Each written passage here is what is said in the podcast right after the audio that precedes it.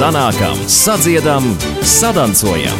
Latvijas Radio 1! Labdien!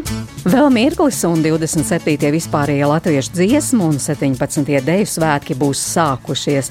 Un noslēdzošais raidījums sanākam sadziedam sadānsojums stāsts ir par Rīgu, kā daudzu svētku vēsturisku liecību glabātāju, rīdziniekiem, svētku dalībniekiem un arī cilvēkiem, bez kuru līdzdalības un atbalsts svētki nebūtu iedomājami. Viens no viņiem - koncertu kokļu būvs meistars, mūzikas instrumentu izgatavotājs un restaurators kokļu būvas centra dibinātājs un vadītājs Imants Robežnieks. Kā stāsta Wikipēdija, izgatavojas vairāk nekā 600 koncertu kokļu Latvijā, kuras spēlē gan profesionālās mūzikas koklētāji, gan mūzikas skolu, mūzikas vidusskolu un mūzikas augstskolu audzēkņi. 500 koklis skanēs arī šajos svētkos, tāpēc Imantam Robežniekam darba pilnas rokas. Parasti es te sēžu pie sava operāciju galda. Nu, re, nosaucāt to galdu, pie kura jūs strādājat par operāciju galdu. Tā ir jāsauc, jā. Jo te tādas operācijas notiek, redziet, tur viena stāv, te otra, tās visas gatavojas uz dziesmu svētkiem, tad ir jānāk uz manu uz operāciju galda, un kā ķirurgam ir jāstrādā ar dažādām, redziet, cik te bīlīšu visādi un skalpelīšu, un Redz, tikko šorīt divām nomainīja stīdziņas, jo visiem stīgu instrumentiem ir tā, ka stīgas trūkst un bojājas. un mums vēl ir tāds mehānisms, pustoņu pārsteigšanas slēdžu mehānisms, kurš ir izdomāts un attīstīts tagad pēdējos gados, lai varētu no katras tās stīgas iegūt trīs skaņas. Mēs paņemam vienu do skaņu, nu viņi tagad augstāk palaižam vaļā bemolu dabūsim, viņas abas ir paaugstu un dieza dabūsim. Bet savā starpā, kā jūs redziet, tas mehānisms sastāv te no piecām metāla detaļām, un kā drusku vairāk izstrādājās tas metāls, tā viņi sāk tās metāla detaļas skanēt līdzi, mēs saucam par džinkstēšanu, skanēt līdzi tai stīdziņai, nu tad meitenēm, protams, problēma. Bet te jums biežāk tie remontdarbi vai tomēr jaunu kokļu radīšana? Nu, atklāt sakot, šogad jaunu galīgi ir tā, ka uz tiem remontdarbiem ir Tāpēc, ka dziesmu un dēļu sāk tuvojas. Nu, jā, nu tieši tāpēc šeit jūs redziet, bija iespēja dabūt labākos pasaules rezonatoru materiālus no firmas, kas Stenveju. Es viņas visas tās koklītes nosaucu par Stenveju koklītēm, kurām nu ir iespēja uzlikt šos dārgos retos materiālus. Nu, tas ir vai nu man konkursu meitenes, jeb arī profesionāļiem, kas var to novērtot tāpat kā Stradivāri violi vai kādu iedos kādu laiku paspēlēt tikai augstas klases muziķim, tad viņš māk no viņas arī dabūt laukā to, un viņš jūt to instrumentu.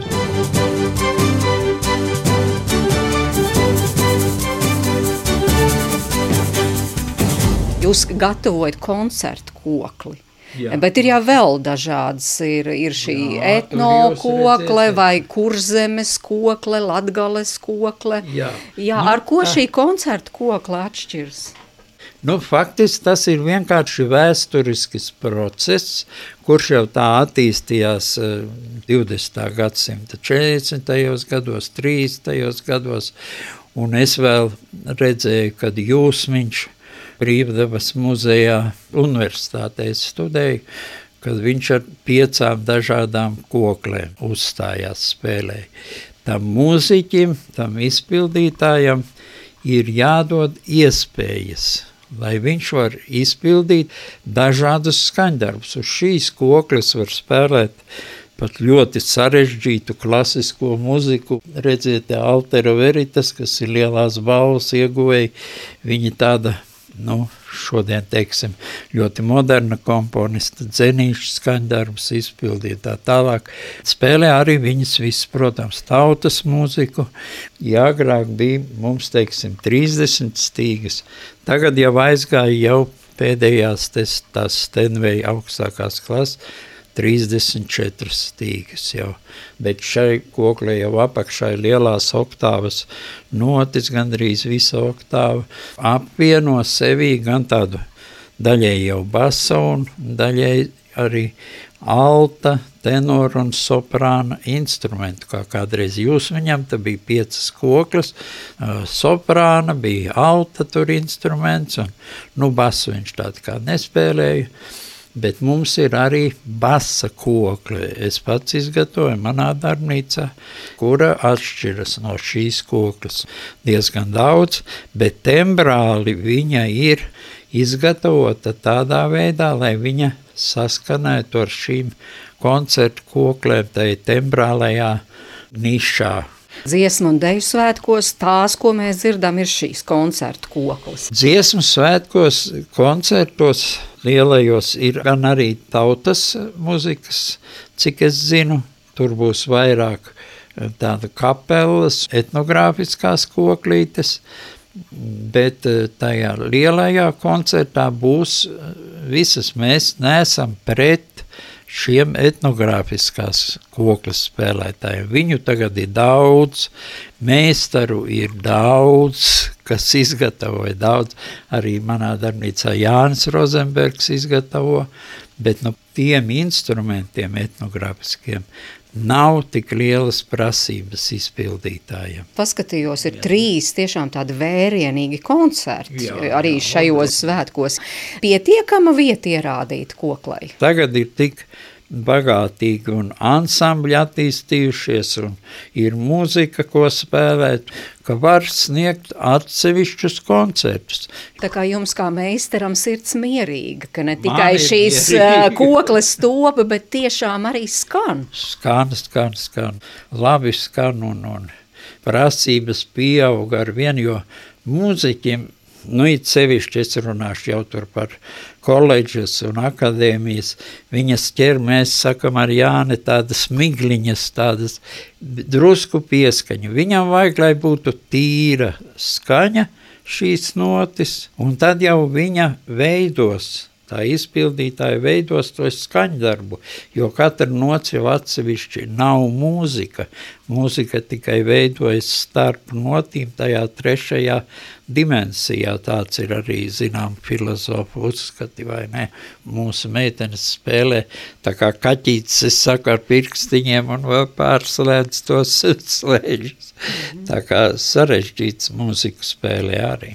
Jā, jūs arī kaut ko varat nospēlēt uz tās kopas. Pasaka, Dievs, nē, nē, nē, nē, es uz, it sevišķi, nē. Es esmu saksofonists. Paldies Imantam Robežniekam par stāstu. Dodos uz Meža parka lielo estrādi, kur atrodas dziesmu svētku telpa. Tajā rakstniecības un mūzikas muzeja darbinieki izveidojuši pirmo un lielāko latviešu dziesmu svētku tradīcijai veltītu pastāvīgu ekspozīciju. Kokles kā eksponātus tur neredzēju, bet visdažādākās liecības, kas stāsta par visu līdz šim piedzīvoto svētku spilgtākajiem mirkļiem gan. Arī ļoti mūsdienīgā audiovizuālā formā kas pārtop par fonu troksni manai sarunai ar Rakstniecības un mūzikas muzeja dziesmu svētku ekspozīcijas nodaļas mākslas eksperti Daigu Bondari. Sanākam, sadziedam, sadancojam! Latvijas Radio 1! Šī telpa gan ir ne tikai dziesmu svētku telpa, ir arī noteikti dejotāju telpa un arī visu citu dziesmu svētku dalībnieku telpa. Visu, kam dziesmu svētki ir svarīgi. Mēs šeit gribam, lai cilvēki sastopas ar dziesmu svētku vēsturi, bet tikpat labi arī ar dziesmu svētku sajūtām, ar dziesmu svētku emocijām, gan dalībnieki, gan skatītāju skatu punktu. Tie tiešām ir reāli eksponāti, kur stāsta par vēsturi. Tie ir gan eksponāti, gan arī mūsdienīgā muzeja valodā izstāstīti stāsti, audiovizuāli.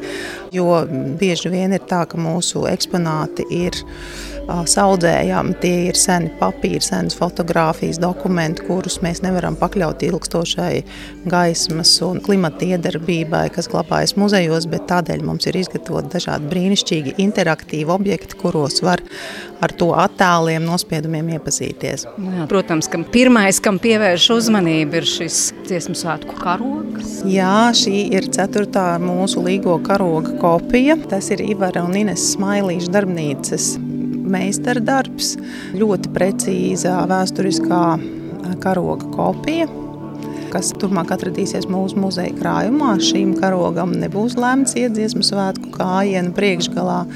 Tas stāvēs šeit kā, kā piemiņa no šiem pirmajiem dziesmu svētkiem, kurus vajadzēja sagatavot lielā ātrumā, un tomēr šī gatavošanās bija tik veiksmīga, ka mums tagad visām nākamajām paudzēm ir šis brīnišķīgais karoks, kas toreiz tika sarūpēts kā tāds vadonis visiem 20 no jau septiņiem dziesmu svētkiem cauri vienmēr gājienu priekšgalā ir bijis šis karoks vai kāda no tā kopijām. Lūk, visā krāšņumā ozolu zaru vainags, savu laiku dāvanā ir saņēmis kāds dziesmu svētkiem svarīgs Jānis, virsdiriģents Jānis Dūmiņš, kurš jau 1955. gadā kļuva par virsdiriģentu. Jānis Dūmiņš diriģēja kūrus tajā laikā, kad 60. gadu sākumā partija bija nolēmusi, ka Jāņi ir buržāziskā nacionālisma izpausme, un kā tāda nevēlama palieka būt izslaukām no padomju cilvēka ikdienas, un tādēļ arī no dziesmu svētku repertuāra pazuda dziesmu Jāņu vakars, tā Emīļa Melngaļa brīnišķīgā dziesma, kur kur vienmēr ir dziedājuši ar tādu sajūsmu. Tomēr dziesmu svētkos dziedātāji vienmēr ir suminājuši diriģentus ar Jāņu vainagiem, ar ozolu vainagiem, pat ja dziesmu svētki nenoris tieši pašās Jāņu dienās. Šie simboli ir palikuši dziesmu svētkos visos laikos. Šis vainags ir bijis Jāņa Dūmiņa darbistabā, to viņš ir glabājis. Grūti pateikt šodien, vai tas ir kādu dziedātāju dāvana, vai tas ir bijis maestro paša novīts, bet katrā ziņā tas ir mūsu stāsts par Jāņiem, Jāņu vakaru, Jāņu vainagiem un diriģentu sumināšanu lielajā iestrādē. Tas ir simbols, un mēs stāstām par to 1960. gada svētku kontekstā pats vainags ir apmēram no gadsimta mīs, bet, protams, ka tāds dabas materiāls sačokurojas, sabirst, iet zudībā, bet mums ir brīnišķīgi kolēģi dabas muzejā, kuri zina, kā ar uh, formu zaudējušiem vainagiem rīkoties, apieties, un uh, mūsu kolēģis botāniķis no dabas muzeja Jantes Mežas vadībā, mūsu muzeja restaurātori pieķērās tādam netik izskatīgam Jāņa Dūmiņa kabineta vainagam un ar savām prasmīgajām zelta rokām sagatavoju uzpostu to izstādēji, un tagad vainags izskatās patiešām gandrīz vai svaigs. Viens eksponāts, par kuru jūs gribējāt arī mazliet vairāk pastāstīt. Sudraba šķīvis valsts prezidenta Kārļa Ulmaņa balva 9. vispārējo latviešu dziesmu svētku karu uzvarētājam lauku koru grupā Lazdonas draudzes korim. Lūk, šo kori diriģēja vēlāk visiem zināmais mēstro Haralds Mednis. Tolaik viņš vēl bija Praulienas pamatskolas skolotājs, taču viņš ar šo kori jau bija pamanījies pievērst sev mūzikas sabiedrības uzmanību. Koris bija jau vairāk kārt uzstājies eh, Latvijas radiofonā, Un, um, patiesībā šis ir viens no Latvijas senākajiem koriem. Jā, 1938. gada pavasarī tas bija jau nosvinējis savu 75 gadi. Bet pēc ilgiem gadiem, pēc 1910. gada, kad notika iepriekšējie dziesmu kari, starpkara periodā šī dziedātāju sacensība nebija notikusi. Nu, iemesli tam varēja būt dažādi. Varbūt tādēļ, ka pēc Pirmā pasaules kara bija zināmas bažas par to, vai tie Latvijas dziedātāji, kas ir lauku ļaudis, vai tie spēs sagatavoties tik labi tādai sacensībai. Iespējams, ka mazliet šo dziesmu svētku sadaļu aizēnoja to laik ļoti nopietni uztvertie tautas tērpu, konkursi dziesmu svētkos. Bet nu, katrā ziņā pēc ilga, ilga pārtraukuma 1938. gadā dziesmu karu tradīcija tika atjaunota. Un kori uzstājās divās grupās - pilsētu kori un lauku kori. Tad lūk, Lasdonas draudzes koris uzvarēja lauku koru grupā. Un kā balvu viņi saņēma metāla mākslinieka Arnolda Naikas veidoto šo brīnišķīgo sudraba šķīvi ar latviskiem ornamentiem. Kā redzat, tā šķīvja augšējā malā ir rotāta ar uzrakstu tautas vadoņa balva. Šis apbalvojums varbūt bija tāds materiāls un mantisks apbalvojums, bet laikam Haralda Medņa lielākā balva bija tas, ka tajā brīdī uh, viņa panākumi mūzikā tiešām tika patiesi novērtēti. Latvijas konservatorijas rektors profesors Jāzeps Vītols uzrunāja toreiz 32 gadus veco diriģentu un aicināja viņu studēt Rīgā, Latvijas konservatorijā. Tas bija tāds būtisks pagrieziena punkts, kas mums, visai Latvijas mūzikas kultūrai, dāvināja diriģentu Haraldu Medni. Tā mākslas eksperte Daiga Bondare par dažām vēsturiskām svētku norises liecībām, kas skatāms dziesmu svētku telpā, bet Rīgas Latviešu biedrības kamerkors Austrums diriģenta Ārija Šķepasta vadībā savu vēsturi raksta jau kopš 1987. gada. Un kā vienmēr brīdis pirms koru karu fināla ir spriedzes pilns, jo mēģinājumos joprojām tiek slīpēta un pulēta katra izdziedāmā frāze, lai tā iemirdzētos kora austrums īpaši muzikālajā izpildījumā. Ka jums bezteikti viss 4, 5. Ļoti labi. Man šķiet, ka vēl iedziedāta balss nav, bet laidieties kaut kādā no nu, tādā šūpiņā. Rā, lai, lai, nav tā, ka jūs baigi tur skaitat un, un, un, un kaut ko tur nezinu, saskaldat. Divi, trīs, viens.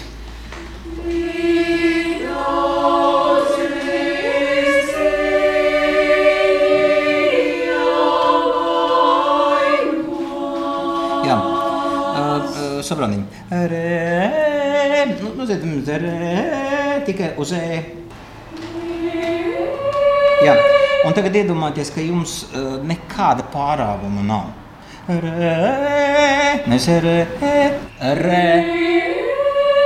Jā. Un tagad šitais centriņš mazliet tā kā smaidīgāk augstāk, jo kriksīt izklausās pa zemu. Dzirdat, kas klavierēm ir? Mm. 好。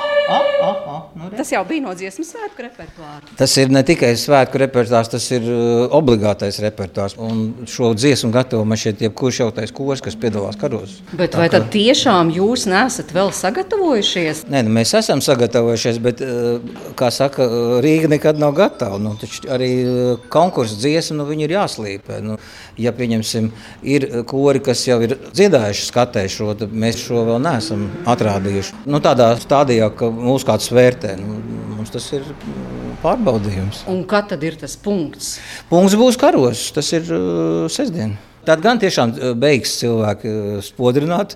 Viņi pateiks, nē, tagad es vīnu. Nu, tagad ir tiešām svētki. Ja? Bet līdz pirmām datumam visi tie, kas piedalās koru karos, ir ļoti uh, rosīgi, nervozi un darbīgi. Bet jums tas ir svarīgi. Ja? Nu, tas ir Teiksim, tos citus tur uzvarēt, sakaut, būt labākajiem. Nē, mums ir svarīgākais uzvarēt sevi. Jo, ja mēs nodziedāsim un pateiksim, ka tas bija labākais, ko mēs varējām izdarīt, tad tas ir tas, ko mēs gribējām. Diriģents runā, mēs, mums, arī jūsu vārdā. Varbūt es varu arī jums pajautāt. Jums arī ir tieši tādas pašas sajūtas, ka mēs gribam būt labākie, mēs gribam uzvarēt. Protams, es domāju, ka katram korim tas ir svarīgi. Es domāju, ka mums sanāks, jo mēs tiešām cītīgi strādājam un darām visu iespējamo, lai mēs pēc tam būtu lepni par sevi. Ko jūs gribētu, kādu rezultātu sasniegt tajos kora karos? Protams, pirmā vieta un Grand Prix. es varbūt teiktu, uzvara varbūt nav tā pati svarīgākā, bet manuprāt, sajūta, ka tu esi piedalījies šajos svētkos manuprāt, ir ļoti nozīmīga jebkuram cilvēkam, kurš ir saistīts ar dejošanu, koru mūziku, pūtēju orķestriem. Kas ir tās jūsu kora kvalitātes? Jo katram korim varbūt ir savs kaut kāds raksturs, ko jūs teiktu par austrumu. Man ir tā sakot, ar austrumu darīšana jau 20 gadus aptuveni. Tātad atbildot uz jautājumu, kas austrumu raksturo. Es te pirmkārt teiktu, muzikalitāte. Austrums vienmēr ir bijis ļoti muzikāls koris. Ir tādi kori, kas ir ļoti tehniski, augstā līmenī un rāda ārkārtīgi spožu tehnisku varēšanu. Austrumam Ir bijuši periodi, kad ir ļoti laba tehniskā varēšana, ir kad atkal tā nav varbūt tik gluži spoža, bet austrumi vienmēr, pilnīgi visos laikos, jau vienmēr ir muzikalitāte un sava autentiska, savā tāda oriģināla balss, pēc kuras noklausīšanās cilvēki nāk un klausieties, kā jūs šito tomēr nodziedat. Tur ir tas, ko nevar tik vienkārši vārdiem pateikt. Bet kas jūs pašu pietur? Jūs teicāt, tā tad jau 20 gadus. Es teiktu, tā viena uh, lieta, kas man pilnīgi noteikti pietur, ir arī lielā mīlestība pret dziesmu, pret mūziku. Arī mums ir vedinājis, un es domāju, ka visos, visos tās pārmaiņās, kuras Olaži ir arī jauni cilvēki nākuši klāt, vienmēr ir mācījis pirmām kārtām domāt par mūziku, par dziesmu. Jūs jau sākāt cildināt savu diriģentu, un, protams, katram korim ir ļoti svarīgs tas. Cilvēks, kurš stāv kora priekšā, jūs varētu vēl kaut kā paraksturot tieši savu diriģentu. Es varētu teikt, ka Kāvijas ir pats labākais diriģents. Jo es, es 13. gadā stāvēju, skatījos, kā viņš divģēja kopkovi pirmo reizi, un tad es gāju tur puķis dot un stāvēju. Viņa domāja, ka Vāvijas ticis līdz uh, lielajai estrādē kā virsdiviģents, un tagad viņš mākslinieks, kas vadītājs koncertam lielajiem. Un viņš ir vislabākais diviģents. Nu, es domāju, ka mēs visi, kas te sēžam, varam apgalvot, ka Āvis Šepes ir mūsu vislabākais diviģents. Un, protams, katrs kovs gan jau tā teikt par sevi, bet uh, unikāls, oriģināls un tā.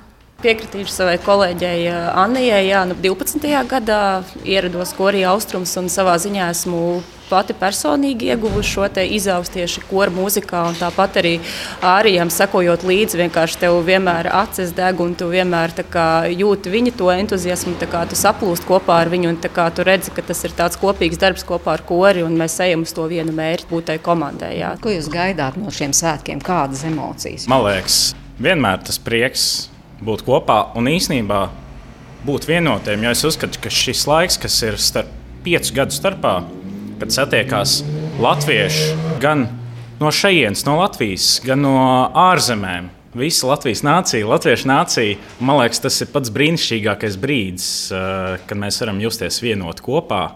Un man personīgi tā iestarpinot pats mīļākais mirklis, kad uh, es redzu sabiedriskajā transportā, kā visi kopā brauc tautas tērpos. Un ko jūs no šo dziesmu svētku repertuāru gribētu īpaši izcelt? Ir tāds uh, burvīgs skaņdarbs barons, un uh, manuprāt, soprāniem tas ir tāds zelta kaut kāds repertuārs, lai mēs varētu nodemonstrēt, cik vispār forši soprānu tembrs skan. Rīt un vakar dziesma arī ļoti skaista dziesma, starp citu. Mēs jau viņu esam dziedājuši konceptos arī ļoti skaista dziesma, un es domāju, ka arī aizkustinās tūkstošus, tāpat kā dvēseli dziesma un visi citi sešana vēl dziesmas. Es domāju, ka tas uzrunās tautu. Es arī biju nesen dziesmu svētku telpa. Tur ir tā apkopots par katriem dziesmu svētkiem, kas ir bijis tas iezīmīgākais. Kā jums šķiet, jau šajā brīdī varētu pateikt, nu, kas tur paliks pēc tam vēsturē, kuri būs tie mirkļi, kurus varbūt iemožinās. Nē, nu es zinu, ka uh, šiem svētkiem konkrēti ir trīs skaņdarbi tapuši. Tas ir tas uznāciena uh, brīdis, ko sarūpējis ir valsts pūce. Es domāju, ka viņa latgaļu dziesma man vismaz šķiet kā bezmaz vai kaut kas autentisks. Un, un es viņu labprāt dziedātu arī ārpus skolu sanācieniem. Vēl ir divi skaņdarbi, kā Lūsēna Sidraba Pīrs. Nu, šis skaņdarbs ir tiešām veltīts pašai estrādē. Un, manuprāt, šī skaņdarba tekstuālā jēga un, un, un risinājums ir par to, ka mēs nākam tādi tā kā maziņas dvēselītes pasaulē, mēs izaugam, mēs tiekam audzināti kaut kādos uh, skaistos tautas dziesmu standartos, beigās mēs viņu noformulējam kā sidraba bīrzi. Un tieši uh, ar tādu kaut kādu skaistu, ētisku un estētisku bagāžu mēs arī nodzīvojam savu mūžu. un beig beigās lūdzam laimiņai, lai viņi to visu paturpina pēc iespējas ilgāk. Nu, tie skandāli, tie nepaliks vēsturei. Kas ne, tieši nu, arī ar tiem koru kariem saistās. Es domāju, ka skandāls aizmirsīs. Un vienīgais, ka skandāla pēc uzlabosies nu, tā komunikācija. Jo, principā, kultūras centrs jau to definē kā komunikācijas kļūdu, nevis kā nevēlēšanos komunicēt. Par to es domāju, neviens neatcerēsies. Varbūt nu, konkrētais eh, kolektīvs, protams, viņš būs ļoti apbēdināts par šo, bet eh, šo bēdu pēc eh, beig beigās varbūt mēs nokļūsim pie ļoti skaista modeļa, kas kaut kad pirms 30 gadiem jau ir strādājis. Mēs varbūt neliksim visu koru straumi vienā kulītē vai nu, vienā uh, tādā jaukto koru grupā. Mēs varbūt sadalīsim pēc kaut kādas klases, pieņemsim tādu uh, vaska savā tautā. Tā ir viena grūtības pakāpe, pieņemsim krauklītes sēž ozolā, un tas varētu būt kaut kas tāds, ko var nodziedāt jebkurš. Nu jā, nu esam satikušies pirms šī izšķirošā brīža, 1. jūlijā. Ko jūs savējiem teiksiet? Kā jūs uzmundrināt savējos pirms? Iziešanas. To jau parasti nedrīkst atklāt, bet eh, tā kopējā enerģija jau strāvo un mēģinājumos mēs esam principā jau to noķēruši. Izejot uz uh, skatuves, protams, mēs varam sadoties rokās un, un izlaist tos uh, labestības un laimes vēlējumu fluīdus. Tas arī droši vien tiks darīts, bet principā jau visu nosaka tas iepriekšējais darbs, kādā kvalitātei tas viss ir sastrādāts, jo labāk jau, protams, var.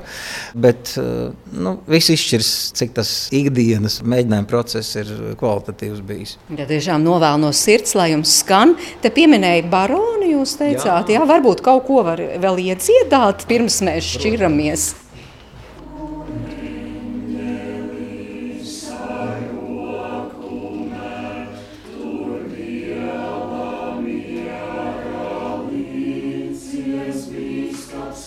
Yeah.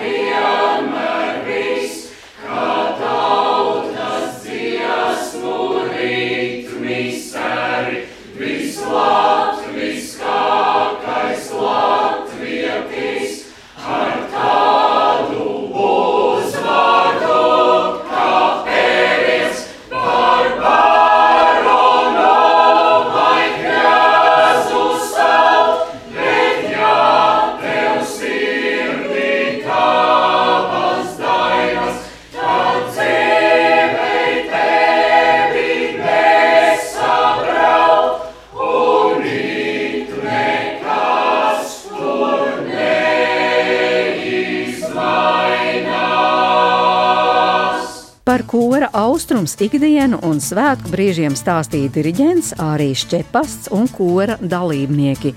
Svens Linga, Zana Jansone Langina, Vēns Zvaigzne, Annija Grauziņa, Sabīne Salieta Rudzīte, Elīze Katarīna Jānce, Madara Dzēne un Alise Līva Jansone.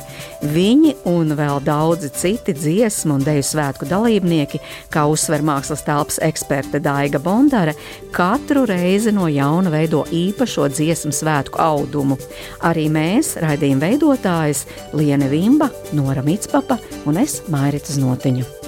Ne jau tikai lielās personības, komponisti, dziesmu svētku virsdirigenti un virsvadītāji, choreogrāfi ir tie, kas veido dziesmu svētku vēsturi. Jo dziesmu svētku vēsturi veidojam mēs paši, tie ir tie daudzie tūkstoši cilvēku, kas svētku starplaikā ir ilgstoši mācījušies gan savas dziesmas, gan dēļu soļus, lai šie lielie svētki varētu notikt. Tieši viņu pieredze ir tā, kas veido to dziesmu svētku autumu sanākam, sadziedam, sadancojam.